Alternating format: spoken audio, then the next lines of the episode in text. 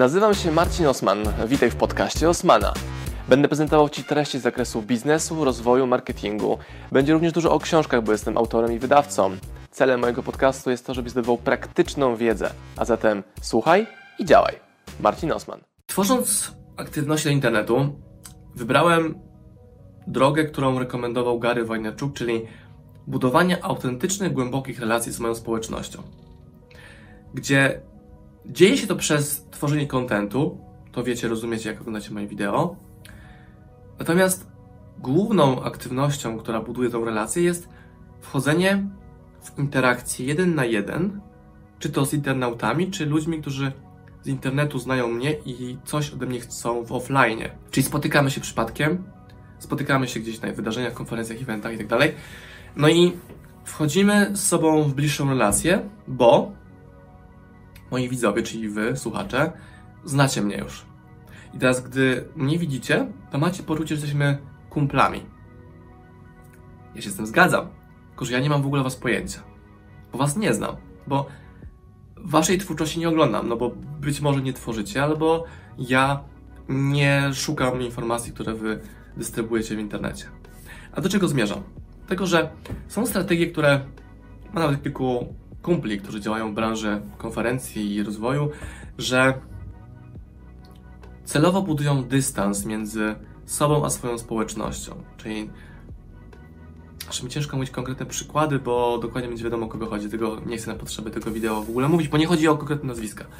Natomiast chodzi o to, że oni e, dystansują siebie, kładąc takie przeszkody między sobą a odbiorcą, żeby zwiększyć swoją wartość niedostępnością, pokazując, że ok, ja tu jestem wielki guru i do mnie tak łatwo dostępu nie ma.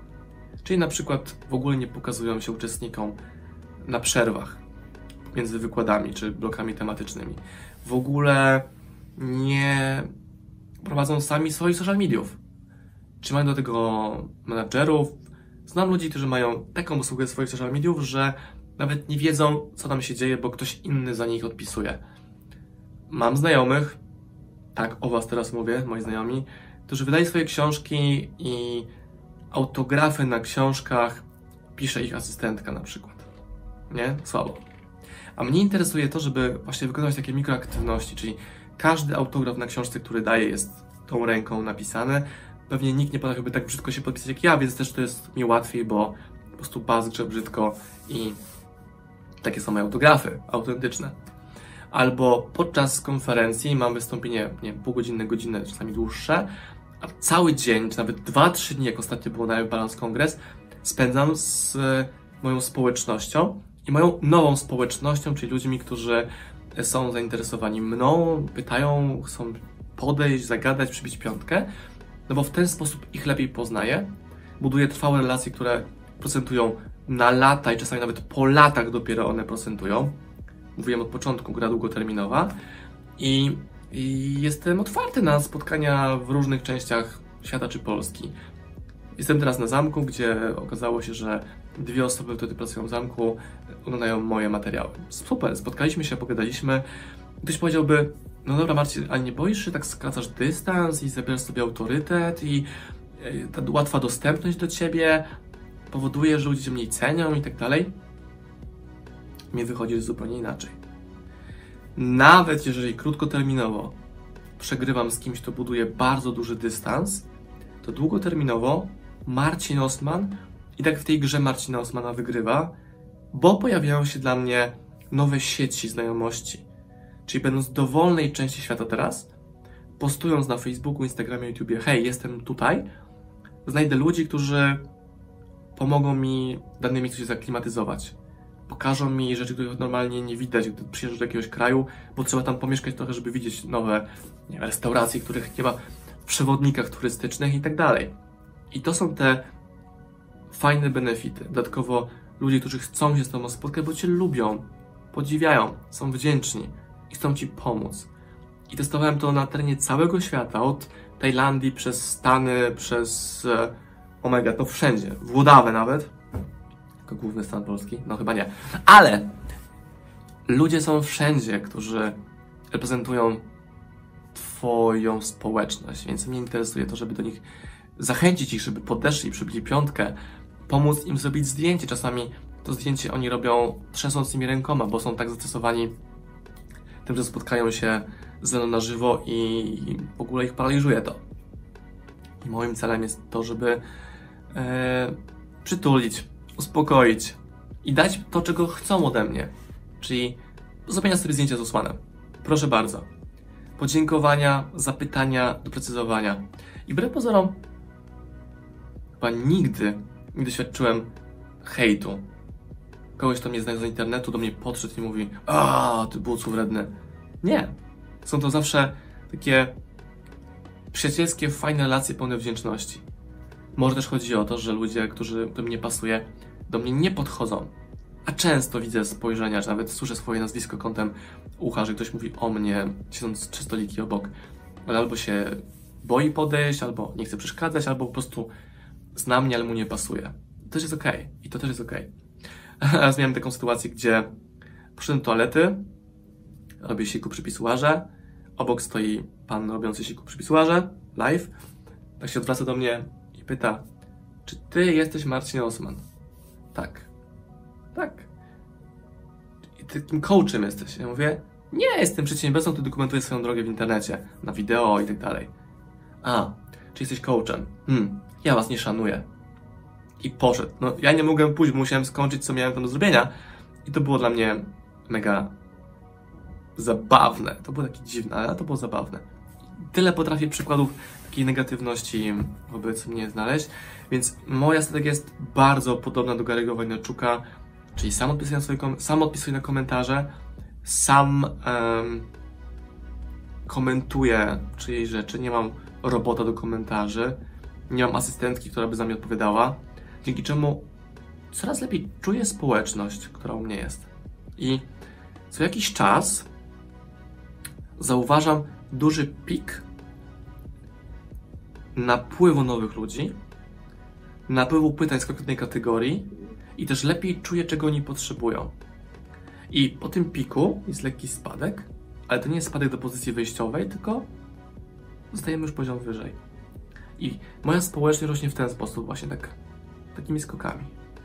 A jak sobie uśrednimy spadki ze wzrostami, dalej mamy wzrost rozpoznawalności, brandu, a jak jest jedno i drugie, to to z moimi umiejętnościami, umiejętnościami cashowania, zarabiania, komercjalizowania, sprzedawania online powoduje, że jest tego solidny biznes. Czyli to, że widzicie kolejne książki o SM Power jest możliwe dlatego, że działa mój brand, moja społeczność i, i dzięki temu tworzymy, dzięki temu działamy, dzięki temu, mm, dzięki tej mocy, jaką daje społeczność, stworzona w sposób bardzo bezpośredni, w oparciu o relacje. Inny przykład to Robert Gryn, który do tej pory działał tak, że tworzył content, pojawiał się i później znikał na pół roku, co budowało ogromny popyt na jego osobę, na jego brand. brand. W momencie, gdy znów się pojawiał i tworzył znowu vlogi, e, posty w social mediach, to cała społeczność, która była naelektryzowana tym oczekiwaniem, podekscytowaniem, bum, wchodzi w tą społeczność i mamy kolejne wzro wzrost, kolejne wzro wzrosty, wzrost.